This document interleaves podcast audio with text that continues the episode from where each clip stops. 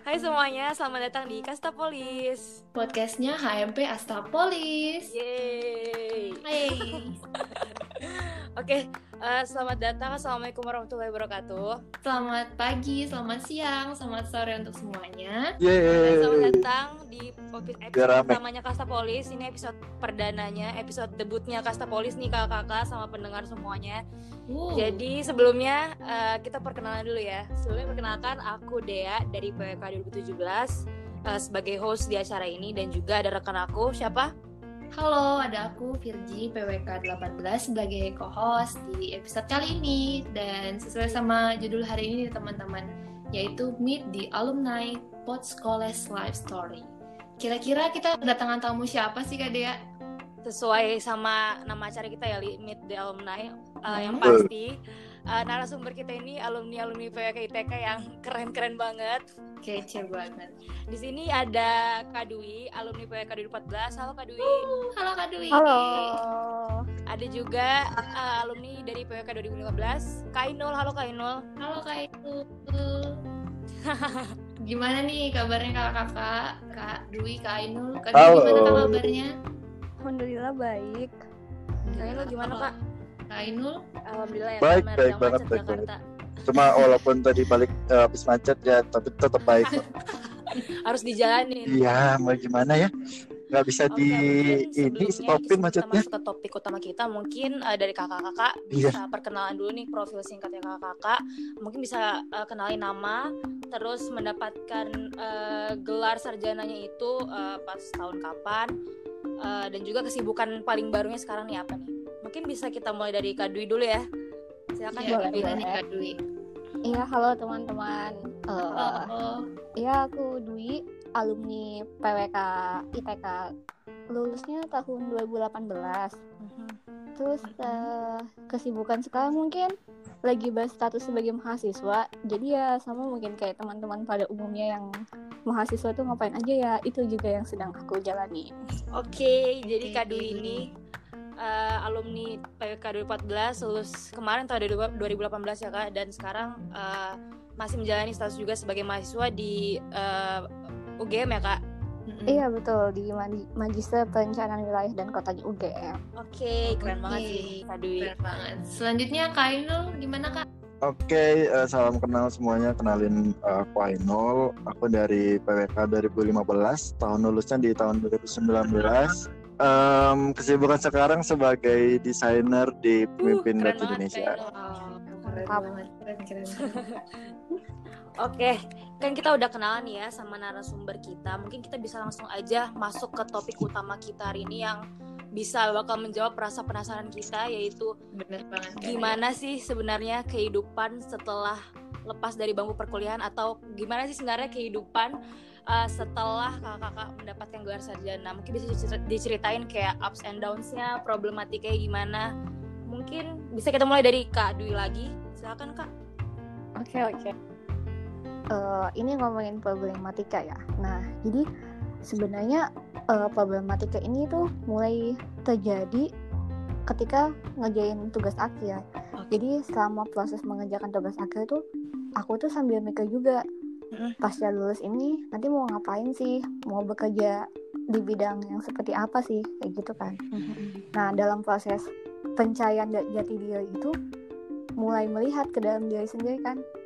Ternyata aku itu eh, tipe yang nggak bisa kalau misalnya bukan nggak bisa sih, nggak suka bekerja terikat jam. Kalau pekerja kantoran kan mulai dari jam 8 sampai jam 5 atau Iya, iya. semacamnya. Nah, itu tuh aku kayak nggak suka. Aku suka yang mobile yang bisa mengatur sendiri jamku kayak gitu kan. ah Nah akhirnya kebetulan di eh, sebelum lulus ya waktu itu skripsi selesai di bulan Juni kalau nggak salah dari Juni sampai sampai 2018 akhir kebetulan tuh ada aja yang nawarin proyek. Jadi kan kalau proyek di tata ruang itu bukan kantoran gitu kan. Jadi memang kita dikasih tugas harus diselesaikan di jangka waktu sekian lama tapi Aha. kita boleh ngerjainnya kapan aja dan di mana aja. Nah, ah. Jadi memulai perjalanan itu di situ. ah oke oke oke. Berarti kayak kakak tuh memang gak suka yang uh, strict sama peraturan gitu ya kak. Kakak lebih suka kalau misalnya dibilang tuh berarti kayak freelance gitu ya kak ya berarti? Iya jadi uh, lebih suka freelance gitu sih. Jadi nggak terikat sama orang lain gitu kan. Nah Hmm. kemudian di awal 2019 itu aku mulai menanyakan tujuan hidup lagi. Mhm. habis itu melihat melihat beberapa hal. Apa yang aku suka dan apa pekerjaan yang mem- yang bisa membuatku tuh kayak bermanfaat buat orang lain nah di saat itu aku mulai mikir bahwa aku itu suka ngajar. Aku suka ketika ada anak ketika ada orang lain yang dapat satu informasi yang berharga itu dari aku gitu loh. Jadi kayak aku senang ketika dia dapat insight atau dapat ilmu dari aku. Ah, ah. Jadi makanya kakak banyak ikut organisasi ya kak kayak salah satunya ini Forum Indonesia Muda sama founder Perspektif Kota. Ini juga termasuk bagian dari itu atau enggak kak? Iya bagian dari situ. Jadi kayak kalau kayak di perspektif kota kan kita ngasih satu info orang lain dapat info. Nah di situ poin yang aku tuh senang. Oh iya iya. iya. nah kemudian mulai dirumuskan bahwa tujuan hidupku adalah eh, ngasih ilmu gitu loh ke orang. Bentuknya paling mungkin itu kan adalah menjadi dosen. Ah, ah, ah. salah satu bentuknya gitu kan. Bisa juga dengan bikin pelatihan kayak gitu kan nah di saat itu aku mulai mikir oh berarti aku butuh untuk S2 nih Ah, iya kayak gitu iya iya iya. iya. Jadi habis itu mulai nyusun target. Eh, memang sih S2 itu bukan proses yang instan, meyakinkan hatinya itu loh yang lama juga, Bener bener. persiapan bener. yang lainnya juga kan. Iya iya. Jadi Eh, jadi alasan kakak untuk melanjutkan studi tuh eh, ke depannya eh, ingin masuk ke dunia mengajar gitu ya kak, khususnya dosen. Ya bisa jadi sejauh ini tuh yang ada dalam dalam bayanganku adalah eh, aku bagi ilmu ke orang lain. Bentuk salah satu bentuknya kan bisa dengan jadi dosen itu, tapi belum tentu sih jadi dosen. Tapi yang ada dalam bayanganku sejauh ini masih itu kayak gitu kan. Sampai akhirnya memutuskan untuk ya sudah aku harus mulai S2 di awal tahun 2020 karena kalau lebih lambat itu nanti lulusnya mau kapan mau kapan lagi dan kalau lebih cepat nggak bisa karena aku juga harus ngumpulin modal ngumpulin apa ya pengalaman kerja juga tetap Mhm. habis itu nyari beasiswa jadi aku targetin selama tahun 2019 itu bekerja dan mempersiapkan untuk S2 kayak gitu sih Wah, mungkin itu dulu ya Wow. teman-teman iya iya. ada pertanyaan lagi Mungkin lang bisa langsung ke Kainul aja kali ya. Karena tadi ih, sumpah jawabannya Kak Dwi keren sih kayak buat mendapatkan tujuan hidupnya kayak ternyata masih kayak banyak banget proses yang harus dilaluin gitu. Terus kalau Kak Ainul gimana nih Kak? Sama berliku-likunya sama kayak Kak Dwi atau gimana? Oke. Silakan Kak. Oke, kalau dari aku sebetulnya eh, masalah problematika ini agak agak aku sih sendiri sih bingung sih sebetulnya karena kan sebetulnya target awalku setelah kuliah memang untuk ngejar sebagai seorang entrepreneur.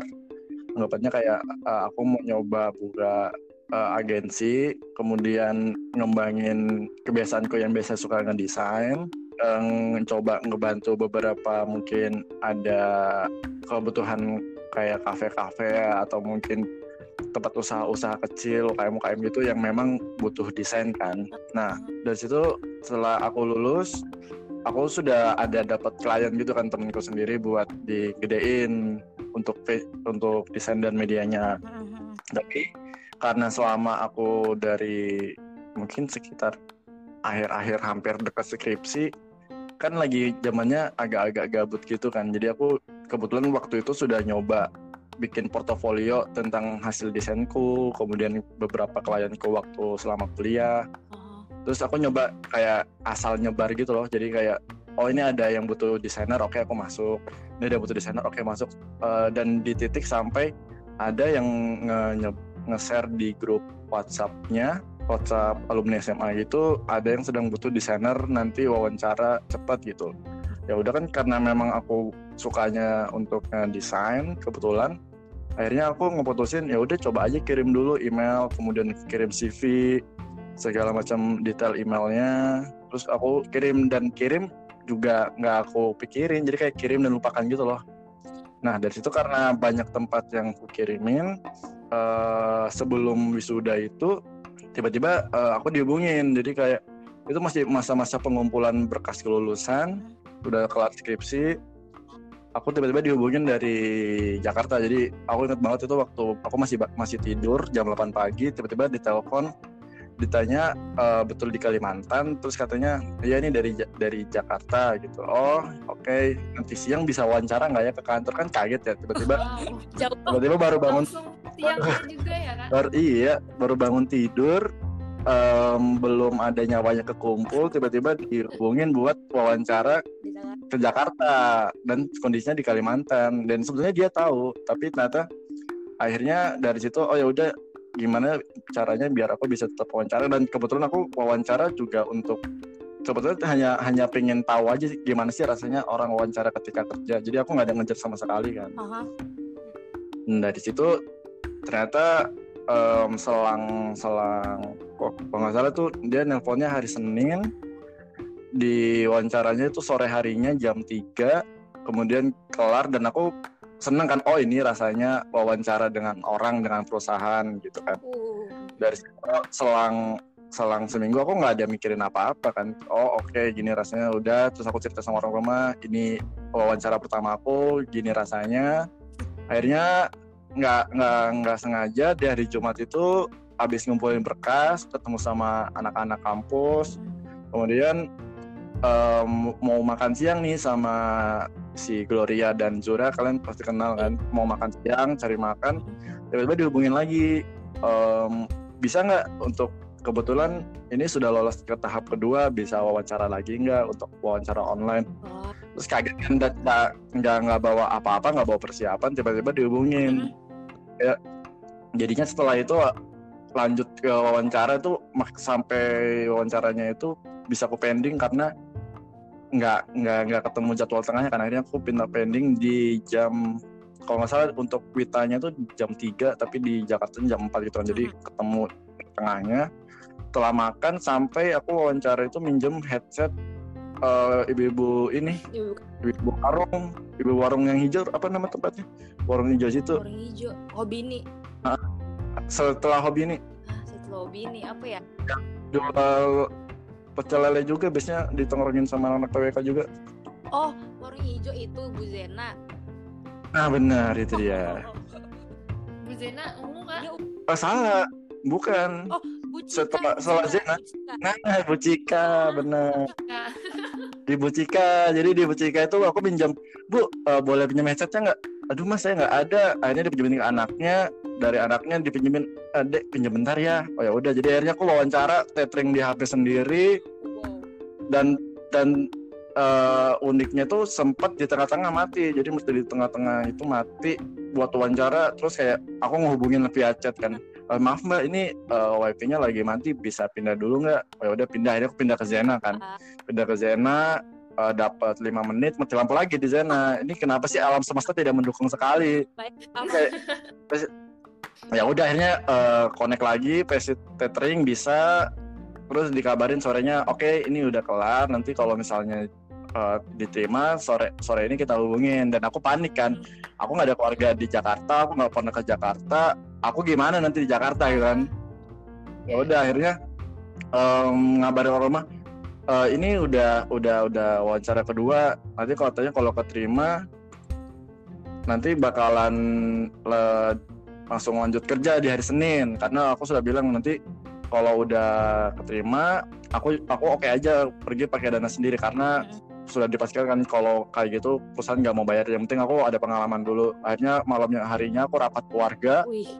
ya udah nggak nggak apa-apa. Ambil aja dulu pengalaman pertama kerja di sebuah perusahaan dan itu sayang aja eh, untuk ditinggalin karena kamu juga nggak ada pengalaman yang penting cobain aja dulu nanti eh, suka dukanya yang bisa jadi pengalaman buat selanjutnya gitu Wow.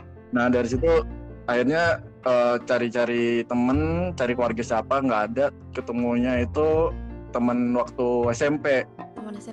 kebetulan ya kebetulan masih agak dekat kan akhirnya dia eh, ya udah numpang deh seminggu gitu Mhm. numpang minggu di sana keteri eh, udah dapat udah dapat teman udah dapat tempat akhirnya eh, langsung beli tiket di malam itu juga. Dan itu ya kayak semuanya jadi mendadak gitu loh. Kayak kalian tiba-tiba Senin dihubungin Jumat dihubungin terus Jum, eh, Sabtu sore aku udah berangkat eh. dan aku nggak tahu nggak tahu kantornya di mana juga kan. Jadi aku ngeputusin buat survei dulu. Biasa ya anak PWK Bener. Memastikan lokasi dulu kan. Jadi kayak aku beli tiket yang uh, untuk sore minggu minggu oh enggak salah untuk penerbangan minggu subuh minggu subuh. Jadi biar aku sampai Jakarta aku masih bisa survei tempat kantorku di mana karena kantornya ternyata ada dua titik. Satunya uh, di daerah sekitar Cibubur satunya lagi di daerah Jakarta Selatan di Blok M. Oh.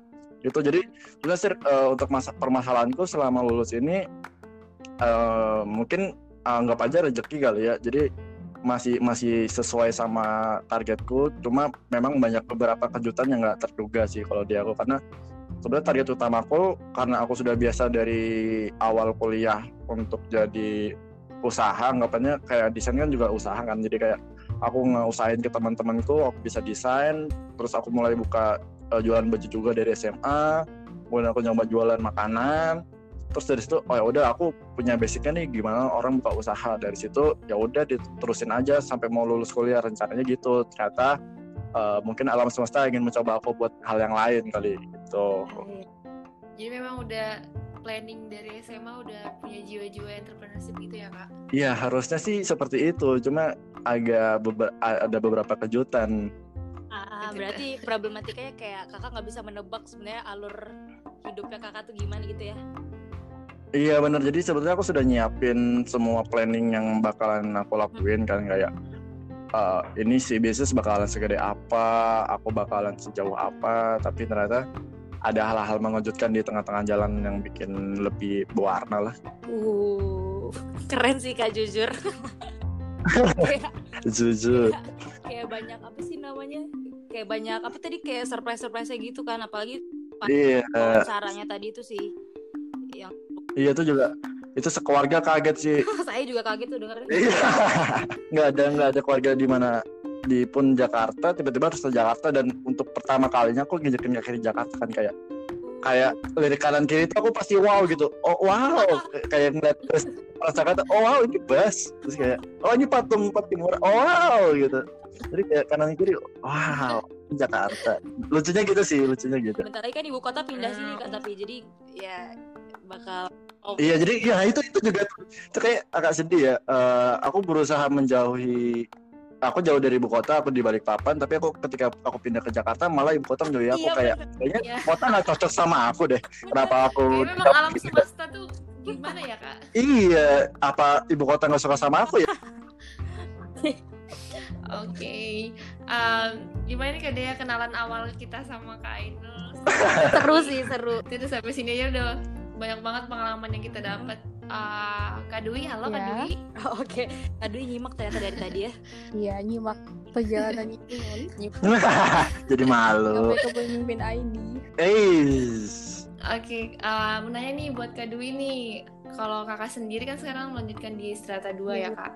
Nah sebelumnya itu kan udah tadi yang kakak ceritain ada proyek-proyek, terus juga uh, juga uh, banyak pengalaman-pengalaman lainnya. Kepo nih kak, selama itu tuh kira-kira kesibukannya gimana sih kak? Apa aja selama uh, proyek-proyek itu uh, berlangsung gitu? Uh, kesibukannya ya, aduh ini sibuk banget. Jadi sebenarnya polanya pekerjaan tata ruang kalau di konsultan itu ketika di awal tahun enam bulan pertama gitu nggak ada proyek cenderung kayak enam bulan pertama nggak ada proyek. cenderung kayak proyeknya itu kan uh, si pem, si pemberi jasa itu kan pihak dinas dan lain-lain. Nah biasanya di awal tahun itu dinas itu kan belum ada anggaran untuk itu, jadi proyek belum berjalan. Nah tapi di ah, enam bulan terakhir itu banyak banget. Jadi bener-bener di enam bulan awal tuh kayak santai-santai, aku masih bisa les bahasa Inggris gitu-gitu kan. Nah tapi di enam bulan ke belakang, apalagi dua bulan November Desember itu benar-benar nggak bisa tidur deh, sumpah kok gitu kan jadi jadi mana? Uh, ini kisah waktu itu ya di 2019 uh, eh, pagi eh bukan pagi siang aku lagi di balik papan ini ada yang dikerjain gitu kan di balik papan besok paginya aku harus sudah nyampe di Kutai Barat. Wow. jadi jam mobile banget iya jadi jam satu siang jam satu siang di balik papan itu aku langsung naik level kan level ya ke Kota Barat. Nyampe nya itu nyampe nya itu tengah malam gitu kan. Tengah malam apa subuh? Sekitar 12 jam gak sih kak iya betul dari Balikpapan pokoknya nyampe nya tengah malam apa subuh gitu. Nyampe hotel aku tidur apa ya satu dua jam. Paginya itu jam 7 tuh udah mulai presentasi lagi. Habis itu jam satu siang kan udah selesai. Jam satu siang di Kutai Barat itu aku langsung balik lagi ke Balikpapan. Nyampe nya tuh subuh. Nyampe nya subuh lagi Balikpapan nyampe nya tuh subuh kan. Habis itu jam 9 aku naik pesawat ke Berau ada lagi yang dikerjain di Berau sampai di Berau itu nyampe kan kalau pesawat ke Berau kan paling cuma satu jam. Habis satu jam itu uh, nyebain undangan ke dinas-dinas.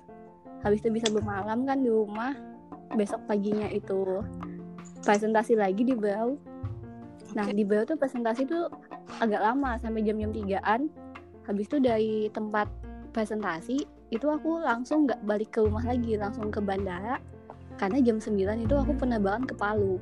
Itu empat harian apa bener-bener kayak balik papan ke Barat, Berau, Palu. Wow. Nah untungnya di Palu itu bisa istirahat. Maksudnya kayak habis di Palu tuh nggak berangkat ke mana-mana lagi. Jadi kayak ada dua tiga harian di Palu jadi masih bisa menetap setidaknya. Tapi tetap tidurnya satu dua jam aja satu hari. Soalnya ada yang harus segera diselesaikan. Jadi susahnya. Itu ya itu jam jam tidur benar-benar sudah terganggu kalau di akhir bulan. Tapi itu karena ini juga sih kebetulan waktu itu lagi banyak proyek kan jadi kayak gitu. Ya itulah salah satu suka dukanya ya. Jadi sibuknya itu di akhir-akhir ya kak. Awalnya belum karena uh, belum turun mencair dananya. Jadi serba dadakan di akhir gitu ya kak? Uh, iya memang enam bulan awal tuh nggak ada ini. Memang enam bulan awal belum ada lelang. Paling cuma nyiapin lelang kan nyiapin hmm. lelang tuh pun nggak nggak capek lah ya.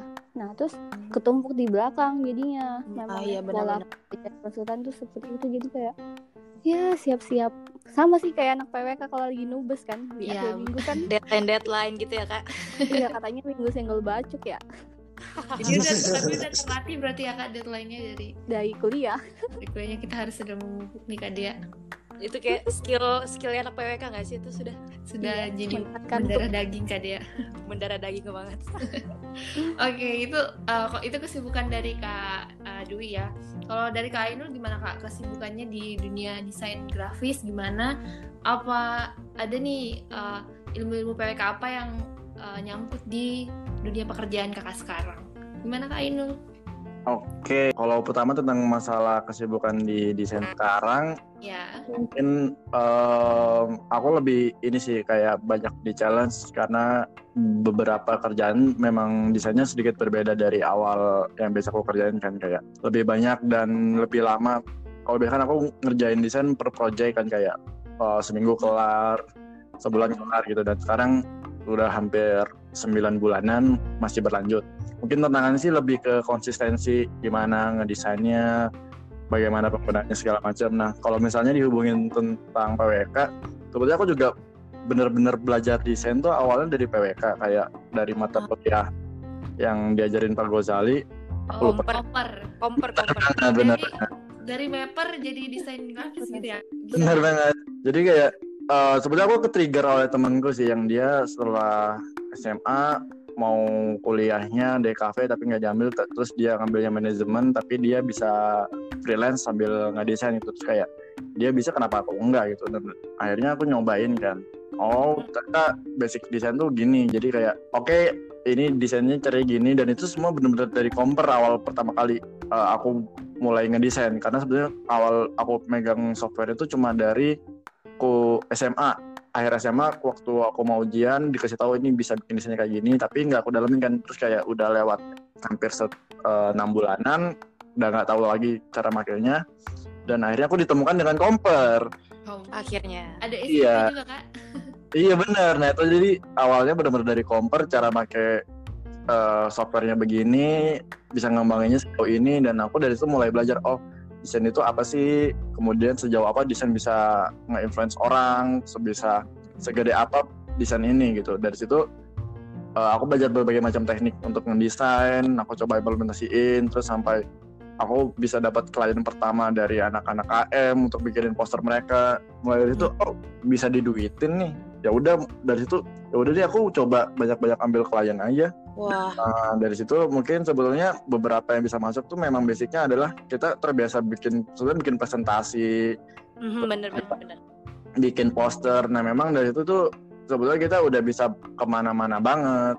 Berarti kakak lebih kayak learning by doing gitu ya kak? Benar benar benar benar semuanya learning by doing karena um, aku dari situ bisa bisa improve banyak banget dan beberapa materi-materi PWK tuh yang tentang masyarakat dan hukum tuh juga sebenarnya kepake di dunia kerja secara nggak langsung. Kayak aku kan sebetulnya di perusahaan pertama aku yang aku sampai Jakarta PT Maxima itu dia sosial konsultan kan. Jadi kayak kita berfokusnya untuk ngebangun sosial gimana kita bisa ngembangin sekitar kita gimana tentang masalah keuangan dari apa CSR perusahaan ke masyarakat. Sebetulnya masuk gitu. Jadi nggak ngerti sih mungkin emang emang jalannya begini kali ya. Yeah. mungkin benar. Iya terus kayak semuanya tuh masih nyambung gitu loh. Oh gini caranya. Terus kayak di kampus aku dididik uh, sama dosen dan teman-teman cara bicara tuh gini cara presentasi seperti gimana yang enak kemudian cara ngatur sebuah tim itu bagaimana dan itu ujung-ujungnya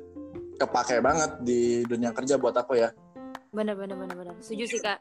Nah, jadi dari sebetulnya semua semua bidang itu masuk. Jadi kayak beberapa proyek kan karena aku bekerjanya di awal di bidang sosial aku hmm. bisa nerapin kayak oh cara ngatur CSR itu seperti ini cara cara berbicara dengan masyarakat itu seperti ini. Walaupun memang banyak yang lebih advance di kantor put seenggaknya aku bisa keep up dengan mereka gitu loh. Jadi semuanya sih sebenarnya kepake secara nggak langsung di dunia put apalagi kalau misalnya PWK gitu kan kayak kita sering banget bertemu dengan orang dan laporan gitu kayak gimana mengubah data ini bisa lebih enak dibaca, gimana kita mengubah kata-kata ini bisa enak dilihat. Dari situ sebetulnya nyambung banget dengan dunia desain. Ternyata dan desain itu juga gitu, gimana mencahin masalah komunikasi antara ini data-data yang ribet, ini pembahasannya ribet, hmm. dan masyarakat atau orang-orang yang kita kasih tuh bisa dengan mudah nerimanya bener, gitu. Bener.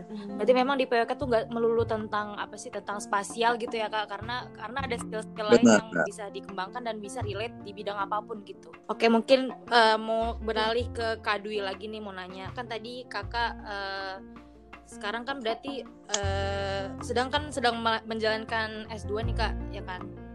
Pengen tahu sih yeah. rencana kakak setelah dapat S2 ini apa kakak mau langsung berkarir di dunia PWK lagi atau ikut, ikut proyekan atau mengejar tadi impian menjadi dosen atau gimana mungkin kak? mengejar strata tiga lagi kak. Rencana ke depannya ya pasca lulus. Sebenarnya eh, tadi kalau ngomongin tujuan hidup aku masih aku cuman bisa mengunci bahwa tujuan hidupku tuh biar bisa bermanfaat gitu kan sama orang lain. Dan kenapa mencoba menyebarkan keilmuan PWK karena aku merasa uh, keilmuan PWK tuh yang masih sangat sedikit kuantitasnya di Kalimantan hmm. dan kualitasnya tuh masih belum bisa dibilang kayak sama banget sama kualitas Jawa. Benar benar. benar. Makanya iya karena itu kan jadi makanya masih pengennya bermanfaat kalau bisa di bidang PWK. Tapi kayak kata Inun hmm. tadi rencana kita tuh bisa jadi gak sesuai sama rencana Allah tuh bisa jadi nggak sesuai sama rencana kita. Benar. Kalau kuatusnya tuh kayak uh, rencana Allah itu selalu lebih baik daripada mimpi besarmu oh. kamu percaya? Harusnya kita percaya iya, itu kan bener, bener, ini sebenarnya yang aku lakukan sekarang adalah mengusahakan apa yang bisa aku lakukan sekarang. Kalau misalnya memang nanti takdirnya adalah jadi dosen ada gitu kan jalannya. Misalnya tiba-tiba pas nanti udah mau selesai S2 ada lowongannya ya udah dicoba. Tapi kalau ternyata jalannya untuk ke situ masih ditutup ya nggak apa-apa coba yang lain tapi yang masih sesuai sama tujuan awal tadi. Kayak gitu sih rencananya. Bisa jadi nanti jadi pengusaha juga ya kan betul semua bisa jadi pengusaha. Jadi terus iya, berusaha. lah kak ya. Terus berusaha terus mencari nama ilmu segala macam. Iya betul banget. Oke kak terus uh, kan tadi udah gimana ya kan kita tadi udah ngebahas nih maksudnya kakak-kakak udah nyeritain tentang kesibukannya kakak-kakak sekarang maksudnya gambaran gambaran apa yang kakak lakukan sekarang sama pilihan karirnya. Sekarang kita pengen nanya ke kayak uh, kan tadi udah dijawab sebagian tuh ke masa depannya ke maksudnya beberapa bagian untuk masa depannya kakak pengen gimana. Uh, mungkin uh, ada nggak sih kak rencana lagi untuk melanjutkan karir di bidang kepewekkan terutama buat Kainul nih kan sekarang nih kan hmm. kalau kita lihat dari CV kakak kan kakak konsisten banget nih selalu di bidang graphic design kakak ada nggak sih rencana untuk putar balik ke dunia proyek-proyekan kayak Kadui? Hmm, pertanyaan yang menarik. Um, mungkin kalau secara pasti untuk kembali ke PWK, menurutku uh, kayaknya aku enggak. Gitu. karena uh, mungkin memang passion dan apa yang aku sukai di sini sebetulnya targetku untuk ke kuliahan itu aku target besarku tuh mencari koneksi sebetulnya jadi kayak okay, okay. Uh, memperluas koneksi dengan targetku yang sudah aku siapin di uh, awal setelah akhir kuliah akhir akhir SMA aku sebetulnya masuk kuliah ini untuk ngejar um, koneksi. Jadi PWK ini sebetulnya salah satu bidang yang menurutku bisa sangat luas banget awalnya targetku sebetulnya tuh masuknya ke DKV tapi kata orang tua uh, coba aja PWK mungkin ada peluang lain di situ gitu. Ya udah uh, aku tipe orang yang tidak terlalu menyusahkan orang tua dan ngikutin apa yang mereka mau. Dan ternyata emang jalannya tuh gitu begini gitu kan. Dari itu kayaknya sih aku nggak nggak terlalu bakalan masuk ke PWK lagi. Karena pertama sebetulnya dari kantorku uh, kantor kan tipenya adalah NGO pendidikan kan dan kita diajarin setiap hari itu belajar dan semua orang tuh memberikan impact Nah dari situ sebetulnya uh, yang ingin aku kejar itu bukan cuma tentang tata kota, tapi gimana aku bisa nge-impact dari desain-desainku. Mungkin aku bisa masuk ke desain untuk pemerintahan Kementerian PUPR segala macamnya, tapi tetap membantunya dalam bentuk desain, nggak nggak fokus ke dalam cuma tata kotanya aja gitu. Oke. Nah tadi kan sebelumnya udah dijelasin sama Kak Ainul sebagian kalau uh, lulusan PWK itu benar-benar ilmunya itu dipakai banget di semua bidang. Nah, jadi tuh uh, menurut Kak Dwi nih, apakah benar-benar uh, prospek kerja dari lulusan PWK ini benar-benar seluas lautan kah atau bagaimana sih Kak? Menurut pandangan Kakak? Iya, jadi benar banget ya. Sebenarnya ilmu keilmuan PWK tuh bisa dimanfaatkan itu di segala bidang, baik itu ekonomi, sosial, bahkan desain kayak Inun tadi kan juga bisa ya masuk ke ilmuwan PWK-nya. Jadi memang kalau misalnya ada teman-teman yang mulai ragu bahwa kayak memang jurusanku ini jurusan PWK ini bekerjanya di bidang apa sih? Banyak banget banyak banget. Benar. Kalau misalnya kita kelompokkan kan ada beberapa ya. Ada pemerintahan itu yang soalnya teman-teman sudah banyak tahu kemudian di bidang konsultan swasta itu juga banyak. Teman-teman yang KP yang kerja praktek tuh biasanya sudah mulai ada yang ke konsultan. Dan yang satu tuh ya NGO tadi kayak tempat kerjanya Inun itu kan NGO bidang pendidikan dan itu fokusnya kan ke masyarakat. Kita bisa banget masuk ke masyarakat juga NGO lingkungan. Dan di Kalimantan pun sebenarnya banyak NGO dan lain-lain. Oh, gitu. ada TNC ada juga uh, ada yang untuk pemetaan ada juga NGO-nya pokoknya banyak sih sebenarnya. Jadi luas bener ya kak? Jauh iya, bener bang. banget kalau kerja PWK tuh luas. Tergantung lagi ke dirinya masing-masing gitu ya kak? Iya benar. Sama ini sih yang uh, ketika kita aku juga dulu ngerasain ya ketika aku masih di kuliahan tuh kayak nggak kenal siapa-siapa nggak -siapa, kenal nggak tahu lah nanti ini lulusnya ngapain. Tapi -hmm. langkah pertama yang bisa teman-teman mulai itu adalah ketika kerja praktek nah di situ kan kita kerja praktek itu adalah sebuah kesempatan untuk mencari ilmu lebih luas ya yang bukan hanya dapatnya di kampus. Nah, sebisa mungkin kerja prakteklah di tempat yang banyak yang di sana kalian bakal dapat banyak ilmunya. Bahkan ketika kalian merasa kerja praktek itu belum cukup, aku sangat menyarankan untuk ikut magang. Jadi dulu pernah Oke. Okay. Uh, liburan awal tahun itu kan sebentar ya satu bulanan ya. Ah, sebulan eh sebulanan. Nah, sebulan itu aku pernah uh, kepo banget nih aku sama satu instansi. Dan itu bukan belum masuk masa KP ya udah aku coba aja apply proposal sama bawa surat dari kampus untuk magang di tempat itu. Ya memang sih cuma sebulan tapi ya itu jadi membuka mata juga kayak gitu sih. Wow selain banget. selain langkah awalnya di KP, KP mulai dari sekarang tuh kayak mulai banyak-banyak ikut. Ini sih kayak seminar-seminar tuh bagus loh. Di situ kalian nanti ketemu teman-teman PWK hmm. atau dosen-dosen yang di luar kampus. Jadi perspektifnya makin luas dan bisa banyak dapat info-info entah itu lowongan atau seminar lainnya. Ya kayak gitu sih. Banyak-banyak berjejaring sih kalau aku bilang. Baik-baik berjejaring ya kak? Iya. Iya betul. Jadi kalau buat sama buat iya, teman-teman yang masih bingung banget setelah lulus PWK mau jadi apa tenang tenang bener bisa ada KP ada masih banyak seminar yang bisa buat nambah lagi wawasan bener bener bener oh ya kak aku juga mau nanya kak ini kayak pertanyaan tambahan aja berarti kak sebenarnya KP ini udah bener-bener bisa 100% menggambarkan dunia kerja PWK itu gimana gitu nggak sih kak? Kalau dibilang menggambarkan sih belum, belum. Kayaknya sih belum. Oke oh, oke. Okay, okay. Tergantung tempat KP-nya juga lagi. Kalau misalnya tempat KP-nya adalah di pemerintahan, kemudian dia bekerja di bidang NGO, mungkin akan susah ya, nggak 100% jadinya. Ah, oke okay, oke. Okay. Tapi ya untuk awalan ya 30% lah. Jadi kalian sudah bisa tahu dunia kerja itu seperti apa. Itu sangat bermanfaat di KP. Jadi dimanfaatkan. Berarti 70%-nya surprise gitu ya, Kak? Eh uh, ya, oh, berarti diubah deh. 30 sampai 60 persen lah. 30 uh. sampai 60 persen. Kenapa beda? Bergantung sama tempat KP-nya. Okay, okay. Kayak gitu. Oke, okay, oh, oke okay, sip. Kalau dari Kak Inul gimana Kak? Hmm. Uh, apakah KP itu udah menggambarkan dunia nyata kerja sebenarnya?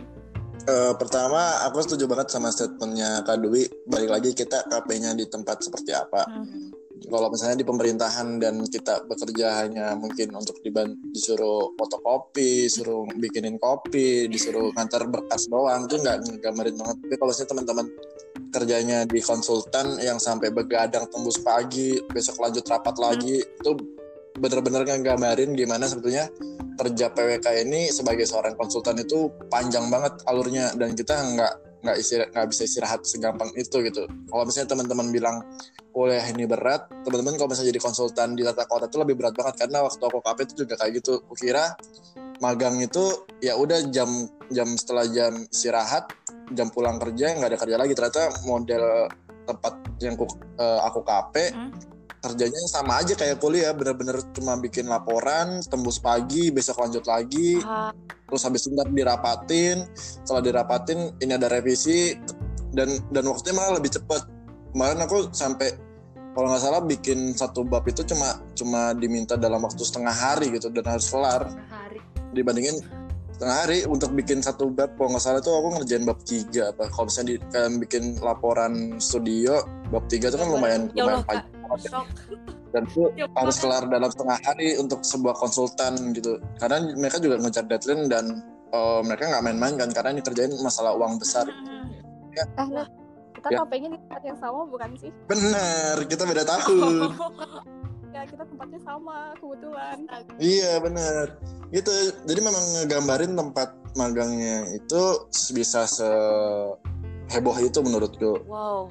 Dan dan dan beberapa hal tuh mungkin gimana kita ngerespon seorang pemimpin. Maksudnya kayak oh ini bosku modelnya seperti ini tim manajemennya seperti ini itu kita di apply ketika uh, kalian kantornya biasa-biasa aja. Maksudnya pekerjaan magangnya biasa-biasa itu mending lebih melihatnya ke gimana sih seorang seseorang itu bekerja gimana mereka ngatur manajemen pekerjaannya. Mungkin dari situ sih kalau misalnya teman-teman mau ngelihat perspektif KP ini ngagabarin dunia kerja atau enggak? Eh tunggu dulu. Selain tergantung tempat sama tergantung kita sih. Kalau misalnya kitanya itu cenderung anak yang diam nggak suka tanya gitu kan? Hmm. bisa jadi si pembimbing KP itu juga nggak mau ngasih tahu kalau kita nggak tanya. Iya benar ya kan? kecuali kalau kita kayak banyak tanya pak habis ini sebenarnya ngapain lagi sih? Pak habis ini ini buat apa sih? Nah benar. Kalo... itu kayak buah si malakama atau enggak sih? Kak jadi kayak misalnya kalau kita diam aja nggak diapa-apain tapi kalau kita banyak tanya malah diapa-apain banget. Iya. Jadi kembali ke Inun tadi lihat karakter orangnya kan Nun bener. Tapi emang jadinya kita bisa ngemaksimalin potensi kita gitu di tempat magang seperti itu gitu. Dan kita bisa ngebuktiin sebetulnya kalau uh, anak Kalimantan tuh dengan kita yang masih baru kita juga bisa bersaing kok walaupun kita memang belum punya nama hmm. gitu tapi memang teman-teman harus bisa jaga itu sih. Yang korbanin tuh itu namanya itu. Uh. Uh, dari yang tadi kakak bilang uh, kita harus banyak tanya. Nah itu kan di KPK kalau di dunia kerja sendiri masih gitu nggak kak? Kalau misalnya di tempat kerja apakah masih seperti itu? Sebenarnya kalau dalam pengalamanku ya uh, kan lulusnya di 2018 sepanjang sampai 2018 akhir itu aku masih cenderung nanya. Hmm. jadi kayak kita kan baru aja keluar nih keluar pintu rumah kita masih nggak tahu kan sebenarnya ini gimana ini apa. Hmm.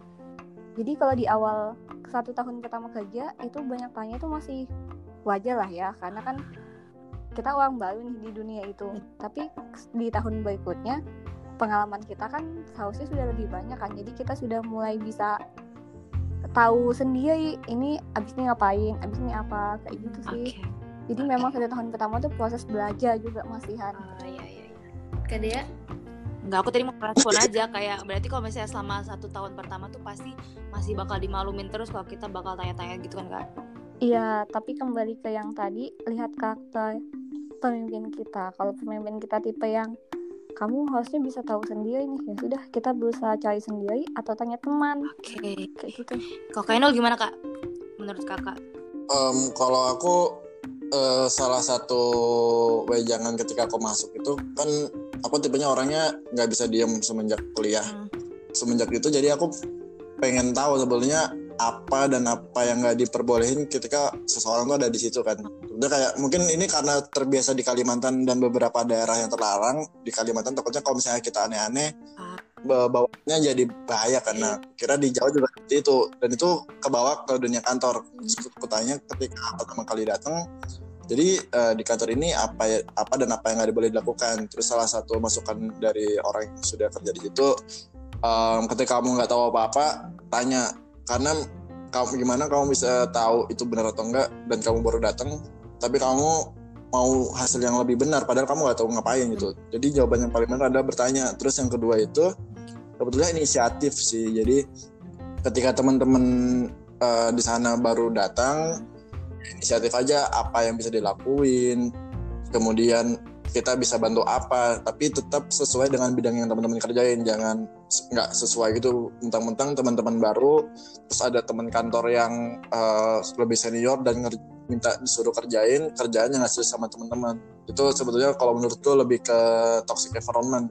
Jadi teman-teman sebetulnya ketika baru datang ke dunia kerja salah satu cara itu terbaik memang bertanya kayak kata Kak Dwi karena kita nggak tahu kan eh, apa yang kita kerjakan ini benar atau enggak, kemudian apa aja yang boleh atau enggak, sejauh apa yang kita kerjakan dan mengkonfirmasi itu hal paling benar sih buat jaga komunikasi apakah eh, ini benar atau enggak. Sebetulnya ujung-ujungnya adalah eh, sering bertanya ini salah atau enggak itu lebih buat jaga komunikasi apakah kita ini sudah ngelakuin hal yang benar atau enggak, arahnya benar atau enggak, itu sudah sejauh apa gitu. Oke, ini sekarang eh, mau nanya lagi, eh, kita kayak eh, agak flashback sedikit ke bangku kuliahan. Eh, waktu kakak kuliah, kakak tuh sempat gak sih buat target selalu? Ini udah dijawab ya, tapi mungkin bisa kakak lebih kayak rinciin lagi. Kakak itu sebelumnya bikin target setelah lulus, eh, maksudnya setelah lulus nanti mau ngapain? Atau memang kakak kakak-kakak ini ngikutin alur aja gitu? Mungkin kalau misalnya kakak bertarget, mungkin bisa dikasih tahu tips-tipsnya gimana supaya kita bisa kayak bisa keep on track sama target kita. Em, aku kalau misalnya ditanya tentang mempersiapkan keep uh, on track selama masa perkuliahan, yang pertama sebetulnya teman-teman itu mungkin memang masalah masalah apa eh, dilema ketika kuliah tuh bingung salah masuk jurusan segala macam. Tapi sebetulnya teman-teman eh, di perkuliahan itu jangan berfokus apa yang teman-teman pelajarin, tapi apa yang teman-teman bisa dapetin dari situ. Jadi agak sedikit merubah perspektif ketika teman-teman berpikir itu salah tempat gitu. Dari situ sebenarnya teman-teman bakalan tahu kalau aku ketika aku masuk PWK, aku tahu apa yang harus aku gapai gitu. Pertama, uh, aku ketika masuk tempat yang baru, aku harus bi- bisa bikin sebuah sejarah di tempat itu. Apa pun apa pun caranya gitu. Mungkin pertama apa ya sejarah yang bisa aku lakuin? Oh oke, aku bisa uh, memimpin suatu orang gitu. Aku bisa memimpin beberapa orang. Akhirnya aku maju sebagai ketua angkatan Hmm. dan orang-orang. Oke, aku udah punya pengalaman dari situ. Terus apa lagi yang bisa aku lakuin? Oh ini ada eh, sebuah lembaga baru yang terbentuk gitu. Terus apa yang bisa aku lakuin ya? Oke, aku aku suka ngedesain. Berarti targetku adalah aku bisa bikin sejarah. Aku jadi orang pertama yang ngedesain logo di himpunan gitu. Oh iya. Ya, Wow. aku tipenya adalah orang yang bisa memberikan sebuah sejarah di tempat itu karena ketika aku SMA aku nggak terlalu banyak bisa bikin sejarah di SMA aku kan terus kayak kayaknya ketika aku menjadi sebuah sejarah di satu tempat orang-orang bakal ngenang aku lebih lama dibandingin aku cuma lulus doang gitu kan Benar. jadi itu oh oke targetku ternyata aku mungkin sebuah sejarah apa pun yang aku lakuin gitu. Mungkin dengan aku jadi dikenal oleh guru-guru mungkin aku dengan membuat sebuah logo atau aku kemarin mengajukan diri sebagai ketua himpunan. Jadi aku bisa tahu kira-kira uh, apa aja sih poin-poin yang perlu aku dapetin ketika aku sampai lulus nanti gitu. Sebenarnya ketika selama perkuliahan ini target-target itu lebih ke personal sih sebetulnya nggak nggak terlalu ke edu edukasi malah. Kayak um, beberapa milestone yang aku kejar itu aku ikut lomba packaging. Oh ini aku bisa ikut lomba packaging. Uh, kemudian aku bisa ikut lomba. Oh ini ada lomba untuk bikin logo dan aku bisa ikut gitu. Sebenarnya uh, milestone yang aku kejar tuh malah lebih ke apa yang aku minatin gitu. Jadi kalau teman-teman cuma fokus tentang ini uh, tempat nggak sesuai sama aku aku nolak. Mending menurutku sih merubah perspektif gimana caranya oh ini ada tempat baru gimana aku bisa mengubah tempat itu gitu. Tapi bukan teman-teman yang menolak untuk tempat itu ada di teman-teman tapi gimana teman-teman bisa ngeblur di tempat itu dan ngerubah tempat itu sih sebetulnya. Wow. Wow. Good point. Kata-kata berat banget ya. Kata, tapi menginspirasi banget sumpah. Aku kayak main blown gitu loh. Ya, saya anaknya suka bikin heboh Gak apa-apa, iya, kita suka yang heboh. iya, Kak Dwi ingat sendiri kan siapa yang bikin kerusuhan terus antara setiap angkatan. Pokoknya Inden tuh ke kahima pertama lo guys. Iya kahima pertama lo guys. For information nih buat para pendengar yang setia yang bikin logo juga. Woi, hebat kan menjadi sejarah diinget kan? Gini Betul. caranya. Kaima pertama Kaino yang bikin logo eh bikin, bikin gitu. Pokoknya aku harus bikin sejarah apa pun itu gitu. Mau mau bagaimanapun caranya, yang penting uh, aku bisa ngejatar itu karena aku nggak mungkin yang kayak mengalahkan beberapa orang pintar di situ karena aku tahu batasanku sepintar sejauh apa dan oh oke okay, ini orang pinter nih aku kayaknya cukup berteman sama dia aku bisa kenal dia dan dia bisa bisa ngajarin aku gitu jadi aku ngeblurnya adalah dia bisa ngajarin aku aku nggak perlu sepintar dia tapi aku bisa keep up sama dia gitu. jawabannya kayak lu keren banget sih. Ah jadi malu. Ah jadi malu. Oke kalau misalnya kak Dwi gimana kak?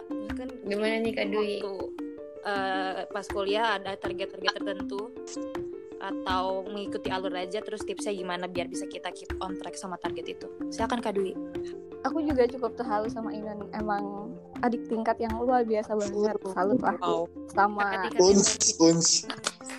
Keren. Iya menge mengembangkan apa yang dia apa yang dia ini kan memang dia suka. Hmm. jadi nggak harus terikut sama orang lain kan. Hmm, yeah, okay. nah kalau aku dulu waktu semasa kuliah waktu semasa kuliah dari maba sampai tahun keempat itu cenderung kayak nggak punya goals gitu sih. Jadi ya kayak ngikutin alur sama kuliah itu tapi ternyata memang kayak semesta gitu loh yang nunjukin jalannya. Wow. jadi ada salah satu dosen yang menurutku tuh berpengaruh besar di dalam kehidupan perku sebagai mahasiswa PWK ah. ya nah jadi beliau aku gak tahu ya beliau dengan apa enggak nanti. Jadi beliau tuh waktu itu aku nggak pernah punya niatan PKM akhirnya di didorong-dorong bikin PKM begitu juga dengan jadi asisten dosen banyak ilmunya tuh dari situ hmm, ilmu kayak mengajarnya gitu. itu ya kak iya jadi kayak yang awalnya tuh kayak nggak pengen coba aja ah gitu kan ah. dan dimudahkan jalannya ternyata ketika mendaftar dosen diterima atau di mata kuliah yang lain tuh kayak ditawain langsung mau nggak jadi asisten dosen gitu kan oh.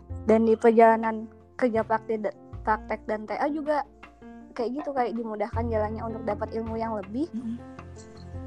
dan dibantu sama dosen itu juga kalau dulu waktu semasa aku di kampus aku cenderung nggak punya banyak goals gitu ya. Nggak punya juga bayangan mau akan seperti apa. Cuman memang uh, kayak keadaan sih yang membukakan banyak-banyak peluang. Tiba-tiba ada peluang A ada peluang jadi asdos atau peluang conference itu tanpa direncanakan tiba-tiba ada. Nah, ketika kita memang nggak punya tujuan, nggak punya target besar, tapi ketika di dekat kita itu di depan kita ada pintu masuk dan itu kita rasa baik, jadi dicoba aja. Kayak gitu sih hmm. menurutku buat teman-teman yang selama ini juga ngerasa nggak punya banyak tujuan tapi kalau ada kesempatan nggak ada salahnya dicoba yeah. karena itu bisa jadi yang nanti membentuk kalian jadi lebih baik lagi. Kayak gitu sih. Wow, jadi jangan nah, terus kesempatan gitu kak ya? Iya betul banget. Uh. nah terus ke kalau misalnya punya punya titik-titik rencana itu baru mulai aku pikirin tuh pas sudah lulus tadi sih justru sudah lulus. Hmm. di tahun sekian aku pengennya sudah apa di tahun 2019 aku targetku apa aja yang harus selesai di tahun 2020 apa aja seperti itu sih. Wah, salah satu tips yang legowo tapi kayak berguna banget itu tadi kak. Kayak bener banget kan dia coba segala macam peluang yang ada. Karena kan orang-orang tuh juga ketak salah satu ketakutannya kan kalau misalnya udah ada peluang pasti kayak udah insecure duluan gitu-gitu kan. Iya betul. Bener banget kan dia Terus juga kalaupun kita punya rencana sama ya kayak dokumen-dokumen perencanaan kan ada revisinya juga kan. bener Meskipun ke- jadi kalau kita punya rencana lima tahun ke depan mau ngapain, ya nggak apa-apa kita fokus kepada tujuan itu. Wih. Tapi bisa jadi di tengah perjalanannya ada eh ke ada gangguan-gangguan sedikit atau ada cabang jalan lain yang lebih baik, nggak ada salahnya dicoba. Jadi berubah rencananya tuh nggak apa-apa, asalkan masih sesuai sih sama dirimu dan mimpimu kayak gitu sih. Wow. sesuai dengan dirimu dan mimpimu ah oke kak keren. Banyak quote ya di Kita jadi Banyak quotes ini buat caption IG berat-berat banget ini omongannya. Nah. Selamat malam cuy. oh iya udah oh, mal- anu ini waktu Asli-aslinya mulai keluar. ini kan waktu waktu di talk kan jam segini kan kak? Betul. hafal kak Dea ya? Iya dong. Nah, itu dia teman-teman semua pendengar. Tadi kakak kita udah jelasin pengalaman-pengalaman, bahkan sampai tips-tipsnya setelah lulus tuh gimana. betul. Sebelumnya kan kita udah naruh nih ya Kak Dea di feed Instagram HMP uh, untuk bisa langsung ditanyakan aja di kolom komentar atau question box untuk hari ini nih, untuk podcast kita. Yes, dan ada beberapa juga pertanyaan yang masuk dan langsung kita tanyain ya. Dan ini eh, kita tuh sebisa mungkin pengen pertanyaannya teman-teman semua terjawab. Jadi mungkin kakak-kakak bisa kayak quick answer aja kali ya kak, kayak jawabnya eh, singkat padat jelas gitu kak. Oke, Siap. Oke. oke. Oke. Pertanyaan Langsung pertama Kak Dea. Eh, menurut kakak setelah lulus dari S1 PWK lebih baik langsung kerja atau melanjutkan S2? Mungkin bisa ke Kak Ainul dulu. Silakan kak. Oke, eh, pertama kamu harus tahu kondisimu dan prioritasmu. Jadi pertama kalau misalnya kamu sebagai eh, orang tertua di keluargamu, berarti kamu bakalan punya eh, beberapa orang yang bakalan kamu handle hidupnya kan. Nah kamu harus prioritasin apakah kamu eh, bakalan ninggalin orang itu untuk kamu bisa ngehandle orang itu dengan bekerja dulu. Jadi sebetulnya ketika kamu ingin memilih antara bekerja atau melanjutkan pendidikan, yang kamu pertimbangkan tuh bukan cuma apa maumu tapi bagaimana kondisimu jadi kayak kalau kamu sebagai orang yang bakalan ngurus wargamu berarti ya udah lanjutin dulu kerjamu semua rezeki itu bakalan ada jadi pilihlah eh, bagaimana kondisimu bisa mendukungmu dan bagaimana prioritasmu yang kamu pilih Oke, sip. Thank you Kak Ainul. Mungkin kalau dari Kak Dwi gimana nih kak? Kalau dari aku sih kondisi setiap orang tuh memang berbeda-beda ya.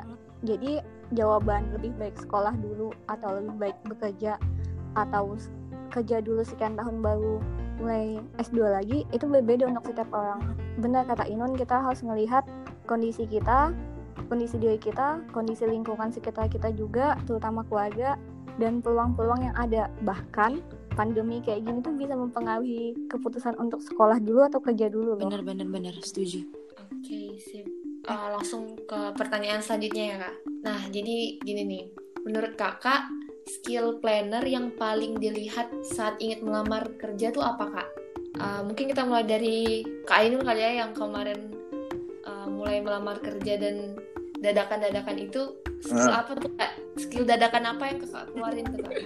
Eh, yang pertama bagaimana menulis indah dalam sebuah laporan. Jadi itu sebenarnya bakalan kepake di teman-teman ketika bikin laporan itu membuat kata-kata yang bisa mudah dimengerti tapi bisa diperpanjang. Jadi orang-orang yang ketika mendapatkan email kita itu bisa clear sebetulnya kita ini siapa, kita dari mana, bagaimana background kita dan apa tujuan kita. Dari situ salah satu langkah sebagai seorang planner itu adalah kita bisa nyusun em, bagaimana cara membuat sebuah dokumen sih sebetulnya dari itu tahu oh ini poin pentingnya ini poin enggak gimana kita bisa menonjolin diri kita terus yang kedua adalah ketika kita sedang presentasi salah satunya tuh ketika wawancara sih jadi ketika teman-teman wawancara teman-teman kan sudah terbiasa untuk presentasi di depan teman-teman sendiri kan di depan Hmm. warga mungkin dari situ teman-teman bisa tahu sebetulnya bagaimana nunjukin eh, sebuah kualitas dari diri teman-teman sendiri karena teman-teman sebelum sudah tahu kan kayak ketika buat laporan ini jelek buruknya dari dokumennya ini bagaimana kita bisa ngembanginnya nah dari itu sebetulnya teman-teman bisa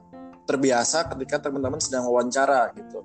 Mungkin salah satu basic planner tuh menurutku sih yang paling kena banget untuk dunia kerja adalah seperti itu gitu. ketika menyusun sebuah dokumen dan bagaimana mem- mempresentasikannya. Oke, begitu ya kak. Oke, kalau Kak Dwi gimana kak? Skill apa yang uh, dibutuhkan banget waktu melamar kerja kak? Kalau misalnya untuk pertanyaannya untuk melamar kerja, sebenarnya aku agak kurang bisa jawab ya, soalnya sejauh sampai sekarang aku belum pernah yang namanya ngelamar kerjaan. Oke. Jadi nggak Oh, jadi belum diwawancara untuk melamar kerja gitu ya kak? nggak pernah nggak nggak pernah ngerasain yang namanya apply gitu belum.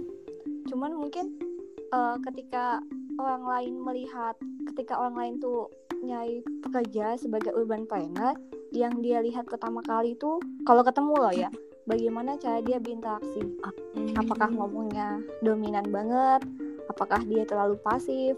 Nah itu diperhatikan sebenarnya hal yang jangan kita perhatikan. Ini selain yang dijelasin Inun tadi loh ya. Jadi yang dijelasin Inun penting dan tambahannya ini apakah ketika kita interaksi terlalu dominan pasifkah? Atau kita terlalu sok tahu? Atau kita terlalu minder itu diperhatikan jadi kita harus ngomong tuh kayak di tengah-tengahnya gitu loh itu sih salah satu yang sering diperhatikan sama senior seniorku ketika ngelihat planner muda kayak gitu Wih, tricky ya, tricky banget. Oke, kita next ya kak ke pertanyaan selanjutnya. Eh, seberapa berguna SKA buat anak PWK? Apa sangat worth dan sebanding dengan harganya yang pricey? Mungkin untuk teman-teman yang belum tahu SKA, ini saya barusan cari di Google ya kak. SKA adalah surat atau sertifikat keahlian kerja yang dikeluarkan oleh lembaga pemerintah eh, khusus diberikan untuk tenaga ahli konstruksi. Mohon maaf kalau salah, correct me if I'm wrong.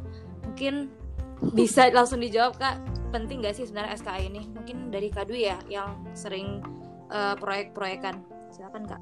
Iya kebetulan kemarin tuh aku proyekan tapi belum punya SKA dan baru bikin SKA di tahun 2020 penting atau enggaknya kalau buatku itu penting karena itu kalau di dunia konsultan itu ijazah itu udah nggak terlalu apa ya cuman punya ijazah tuh kayak nggak nggak laku Jadi kita harus punya salah satu tambahan yaitu SKA atau referensi kerja kayak gitu sih. Cuman memang tidak eh, memang penting. Cuman ketika kalian bekerja di bidang yang lain ada hal yang lebih penting. Misal ketika mau daftar PNS, eh ketika mau kerja di pemerintahan sebagai PNS eh, bukan SKA yang paling penting, tapi ada sertifikat-sertifikat lain yang di dunia pemerintahan itu. Sedangkan ketika mau jadi dosen, yang lebih penting itu adalah publikasi, bukan SK, bukan bukan SK ya. Itu sejauh pengetahuan saya, mungkin kalau salah bisa dikoreksi, tapi kalau dosen itu memang dia lebih eh, sangat membutuhkan publikasi karena ada poinnya nanti ketika publikasi internasional atau nasional dapat poin sekian sekian. oke oke oke oke oke thank you Kak Dwi jawabannya kalau dari Kainul gimana kak mau coba jawab ini juga Em, aku kayaknya lebih ke logiknya aja sih sebetulnya.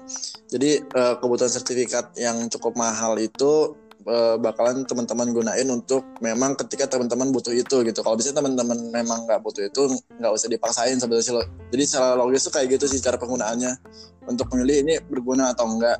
Jadi kalau misalnya teman-teman memang eh, bakalan menuju ke tempat yang membutuhkan itu dan itu bakalan berharga banget masalah harga itu bakalan bisa diganti sebenarnya teman-teman ngomongin uang jadi em, sejauh pengalamanku dan beberapa hasil aku berdiskusi uang itu bakalan balik tapi yang nggak pernah balik adalah pengalaman ketika ke teman-teman ngambil itu gitu dan itu benar-benar bakalan berharga banget kalau memang teman-teman tahu apa guna si sertifikat itu kalau misalnya teman-teman nggak tahu mending gak usah diambil sih oke menurutku. oke oke thank you Kainul jawabannya Next question, uh, ini khusus untuk Kak Ainul nih.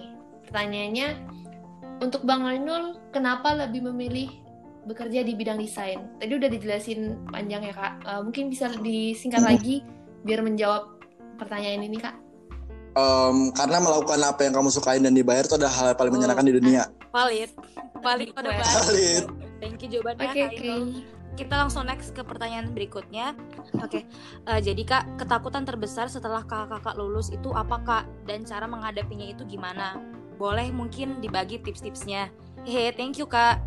Silakan kak, mungkin dari kak Dwi lagi. Oke, kalau dulu waktu awal-awal jelang kelulusan, mungkin ketakutan terbesar kita adalah menjadi pengangguran gitu ya. Dan tips menghadapi itu sebenarnya menurutku meyakinkan ke diri sendiri bahwa apa pun yang kamu lakukan itu adalah yang terbaik yang bisa kamu lakukan dan uh, segala rencana Allah itu juga yang terbaik buatmu. Jadi kalau misalnya masih masa menunggu belum dapat kerjaan ya udah nggak apa-apa.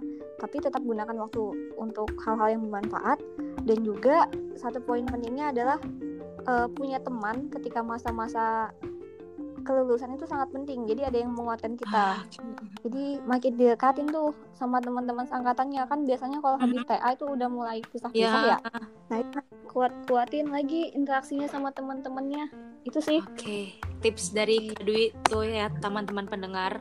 Mungkin kalau dari Kainul gimana nih Kak? Ketakutan terbesar setelah lulus itu gimana dan cara ngadapinnya gimana? Um, kalau aku ketakutan terbesar tuh lebih ke finansial kan karena um, kebetulan aku sudah punya pasangan maksudnya aku udah punya pacar ketika zaman kuliah dan kedua orang juga sudah kenal dan ketakutan terbesarku adalah ketika uh, ini sudah waktunya untuk mengumpulkan uang tapi aku nggak bisa dapetin uang itu. Nah sebetulnya um, ini itu agak klise tapi memang jawaban itu kayak gini. Jadi uh, jangan biarin uh, timeline orang lain tuh ngeganggu kalian. Kalian tuh punya timeline kalian sendiri. Jadi ketika teman-teman memang kayak kata Kadue tadi untuk waktunya sedang uh, beristirahat dulu atau sedang menganggur ya udah menganggur aja dulu ketika teman-teman waktunya gerak ya udah gerak berarti. Jadi jangan sebetulnya ketakuan itu ada menurutku ketika teman-teman mencoba masuk ke timelinenya orang lain. Kayak oh orang ini sudah bisa kerja ketika lulus kenapa aku enggak? Kayak oh orang ini sudah bisa dapat gaji sekian di umur segini kenapa aku enggak? Tapi sebetulnya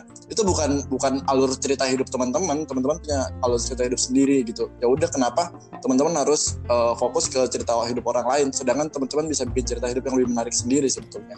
Jadi menurutku tipsnya itu adalah uh, mindset teman-teman sebetulnya jangan dipaksain buat ngikutin timeline orang lain yang nggak masuk sama teman-teman gitu. Karena setiap orang itu sebetulnya unik menurutku. Jadi jadi versi terbaik dirinya gitu ya kak? Betul. Semua orang punya waktunya masing-masing gitu kan ya kak? Betul banget. Oke okay, kita lanjut ke pertanyaan selanjutnya kesan dan pesan kakak selama mengerjakan tugas akhir nih flashback ya kak ke belakang boleh dibagi dong kak strategi yang kakak lakukan selama pengerjaannya terima kasih kak ke Kak Dwi mungkin. Oke, masa-masa TA. Tugas akhir itu benar-benar masa kealihan ya ketika kita bingung sama tujuan kita pasca lulus, ketika kita juga dapat tekanan untuk segera menyelesaikan tugas akhir. Jadi dulu itu aku satu angkatan itu cuma bersembilan dan kita sama-sama ngejain TA. Dosen pembimbingnya itu masing-masing satu, jadi aku beda, temanku yang lain tuh beda-beda semua kan? Terus cara kita nguatinnya adalah kita sembilan tuh coba coba nguatin tuh kayak kita harus lulus sama-sama harus sama-sama gitu kan? Jadi kayak ketika aku bingung aku tuh diskusi sama satu dua teman yang nyambung gitu kan kalau diskusi sama aku begitu juga dengan teman yang lain kalau dia bingung tuh dia tanya ke kita memang sih kita nggak bisa benar-benar paham sama tugas akhirnya orang lain. Cuman ketika kita saling peduli, itu kan juga bisa ningkatin semangatnya teman kita kan. Benar-benar. Uh, jadi dia lebih semangat, uh, mentalnya juga lebih baik, dan bahkan kita juga kadang tuh aku butuh bantuan survei nih dibantuin sama yang lain. Jadi. Tipsku itu ya semakin kuatin sama teman-temannya sih. Kalau nggak bisa seangkatan ya nggak apa-apa sama teman-teman di lingkaran terdekatnya. Karena dulu kami kebetulan cuma sedikit bersembilan jadi ya bersembilan. Oke. Okay. thank you Kak Dwi. Kainul gimana jawabannya? Um, sebetulnya secara garis besar aku beda tipis sama Kak Dwi. Jadi um, salah satu tips dan trik yang akhirnya aku sadarin ketika aku ngerjain uh, skripsi itu adalah jangan pernah ngerjain itu sendiri. Karena pertama ketika teman bingung teman-teman nggak tahu tanya siapa ketika teman-teman uh, salah arah teman-teman nggak bisa dikoreksi. Dari situ salah satu langkah utama adalah cari teman-teman terpintar yang ada di angkatan teman-teman buat diajarin dan tahu langkah-langkahnya. Karena mungkin dia bingung tapi dia pasti sudah lebih rajin dari teman-teman dan udah tahu langkah berikutnya karena dari situ teman-teman terus diskusi sih kayak oh ini langkah berikutnya ini langkah berikutnya. Tapi jangan nirunya itu jangan niru ke isinya tapi nirunya apa langkah berikutnya untuk tahapan uh, bisa yang bisa teman-teman ikutin gitu. Jadi lebih ke step-stepnya. Hmm. nah dari itu aku sebenarnya aku belajar banyak banget dari teman-temanku yang rajin dan terus uh, diskusi oh kalau salah tuh begini kalau benar tuh begini. Dari itu aku banyak dapat referensi. Sebenarnya salah satu hal yang menurutku ini menjadi prinsipku atau menjadi pandanganku eh, nggak ada namanya ketika teman-teman itu buntu atau terbatas oleh ide. Tapi teman-teman cuma eh, kehalang nggak adanya re- referensi aja sebetulnya. Jadi Ah, ketika teman-teman sedang TA kemudian bingung ini kenapa susah banget? Ini kenapa nggak dikerja kerjain jangan kerjain itu sendiri tapi cari temen bareng kerjain itu bareng targetnya kapan? Teman-teman bisa itu kekejar banget dan ketika aku kemarin lulus itu betul-betul salah satu langkah efektif. Tapi sayangnya aku ketemunya itu boleh di terakhir ketika ketika ketika udah setelah sidang kedua gitu. Hmm. jadi mencari cari temen bener kata Kak Dwi kalau misalnya nggak bisa seangkatan cari teman terdekatmu yang bisa kamu enak eh, kerja bareng bisa kamu pahamin gimana pola pikirnya dan gimana cara dia nyampe ke kamu sih. Oke, berarti intinya kayak cari teman uh, untuk saling menguatkan dan berbrainstorming bareng gitu ya kak? benar Nambahin sedikit, Oke, boleh nggak? boleh boleh kak. Ini sih sama satu eh, tugas akhir itu kan sebenarnya mahasiswa ya yang ngerjakan, cuman dibantu sama dosen pembimbing. Seringkali tuh ada mahasiswa tuh mengeluhkan dosen pembimbingnya dan itu tuh jadi justru jadi penghambat masih mahasiswa prosesnya mengerjakan tugas akhir. Ah, Satu tips yang bisa aku kasih tuh eh, jangan banyak apa ya, bukan juga jangan banyak ngeluh sih. Semua dosen pembimbing tuh mungkin ada mungkin mereka tuh pengen yang baik gitu kan. Mungkin memang susah untuk kita lakukan tapi coba untuk pelan-pelan. Jadi kayak mengerjakan tugas akhir tuh jangan dipenuhi rasa kesal sama orang lain. Jadi kayak ambil positifnya.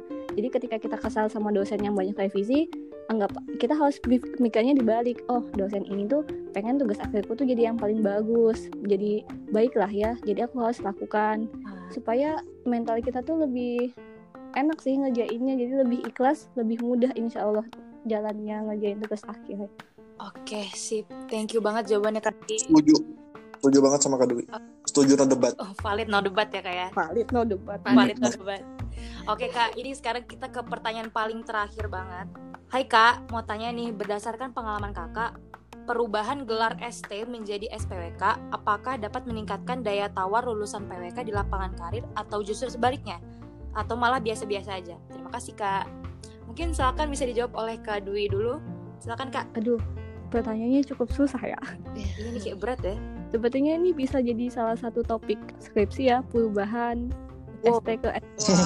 Referensi. apa dampaknya gitu kan berat ya. sesungguhnya aku nggak bisa jawab nih nggak terlalu apa ya yang jelas aku nggak tahu mana yang lebih baik antara SD dan antara SD dan SPWK hanya saja perbedaannya adalah ketika sekarang menjadi SPWK itu kita keilmuannya tuh lebih jadinya tuh lebih kayak spesifik gitu loh oh yang ini si Dwi ini lulusan SPWK maka dia bisa mengerjakan yang bener-bener pekerjaan SPWK kayak gitu sih.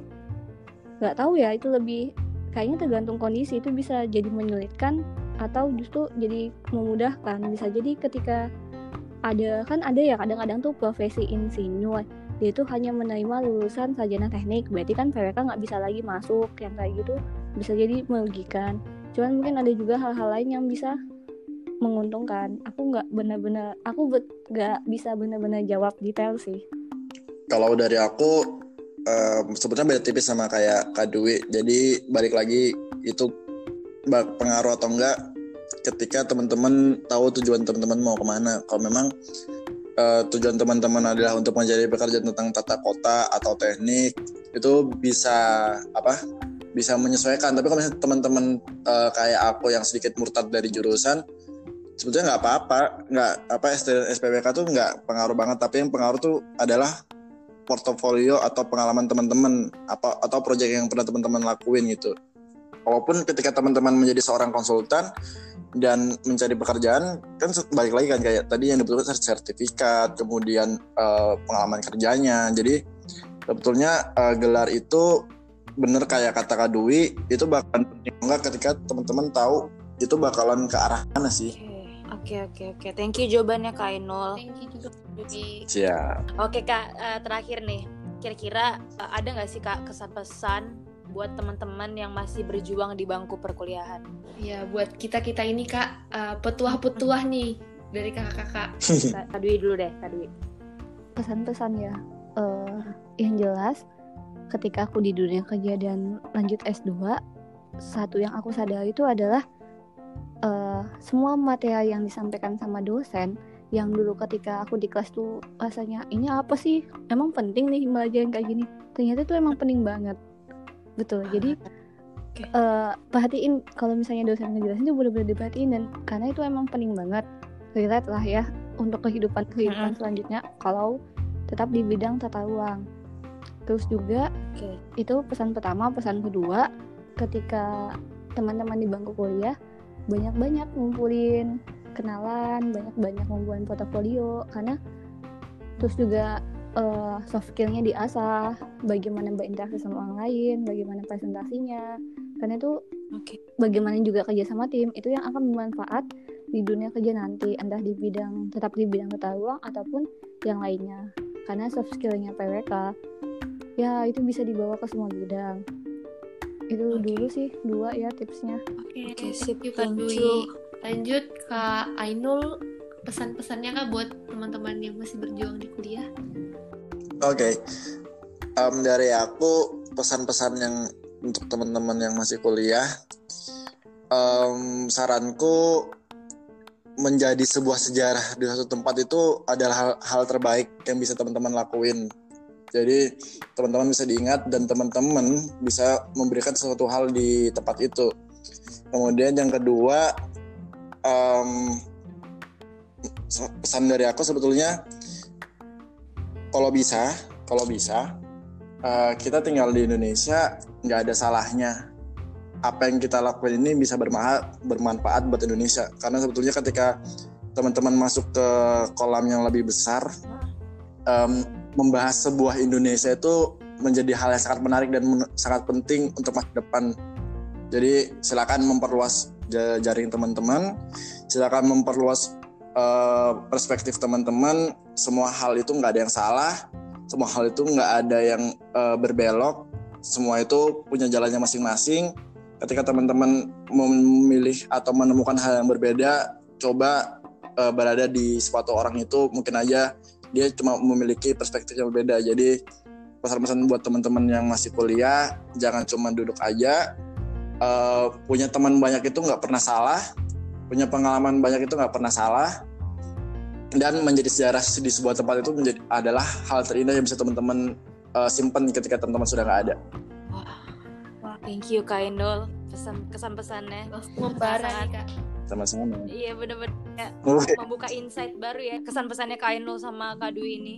Mantap. Okay. Untuk Kak Dwi sama Kak Inul makasih banget udah memberikan kesan pesan itu buat teman-teman pendengar apalagi terutama buat mahasiswa PWK yang masih berjuang di bangku perkuliahan.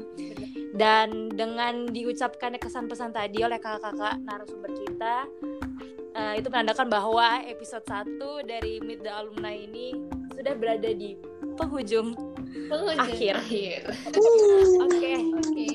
Uh, kita ucapkan dulu ya terima kasih untuk narasumber kita Kak Ainul sama Kak Dwi makasih banget kasih. udah banyak banyak banyak banyak banget Kak. Banyak banyak hmm, banget makasih makasih kayak... juga buat teman-teman himpunan. Iya kak sama-sama kak. Kita juga kayak makasih banget kakak sudah mau bersedia diundang. Semoga kakak nanti kalau diundang lagi nggak kapok ya lagi ya kak.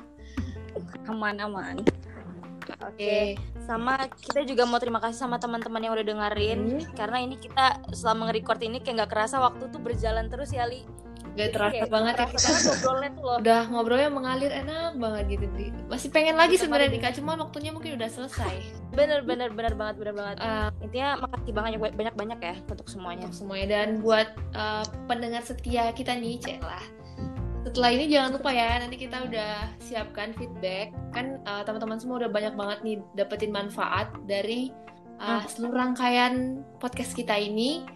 Bukan juga manfaat sih. Pandangan, pandangan baru, ya. baru bisa kita Bener. dapatin nah itu bisa kalian uh, isi semua di feedback yang akan kita share ke teman-teman semua. Dan jangan lupa apa kak Dea Oh ya, jangan lupa buat teman-teman uh, follow Kasta Polis di berbagai platform. Kita ada di Anchor, ada juga di Spotify. Dan juga jangan lupa follow uh, Instagram sama OA lainnya HMP Astapolis di @hmp underscore Astapolis. Dan yang terakhir jangan lupa juga subscribe ke channel YouTube HMP Astapolis di Himpunan Planologi ah, himpunan mahasiswa planologi Asta Polisi TK. Nyalain loncengnya. Jangan lupa. Oke, kasih. sampai di sini dulu episode kita. Sampai jumpa kakak-kakak hebat. Sampai hebat jumpa teman-teman Iya, kakak-kakak. jumpa. Makasih banget. Dadah semuanya, tetap jaga kesehatan.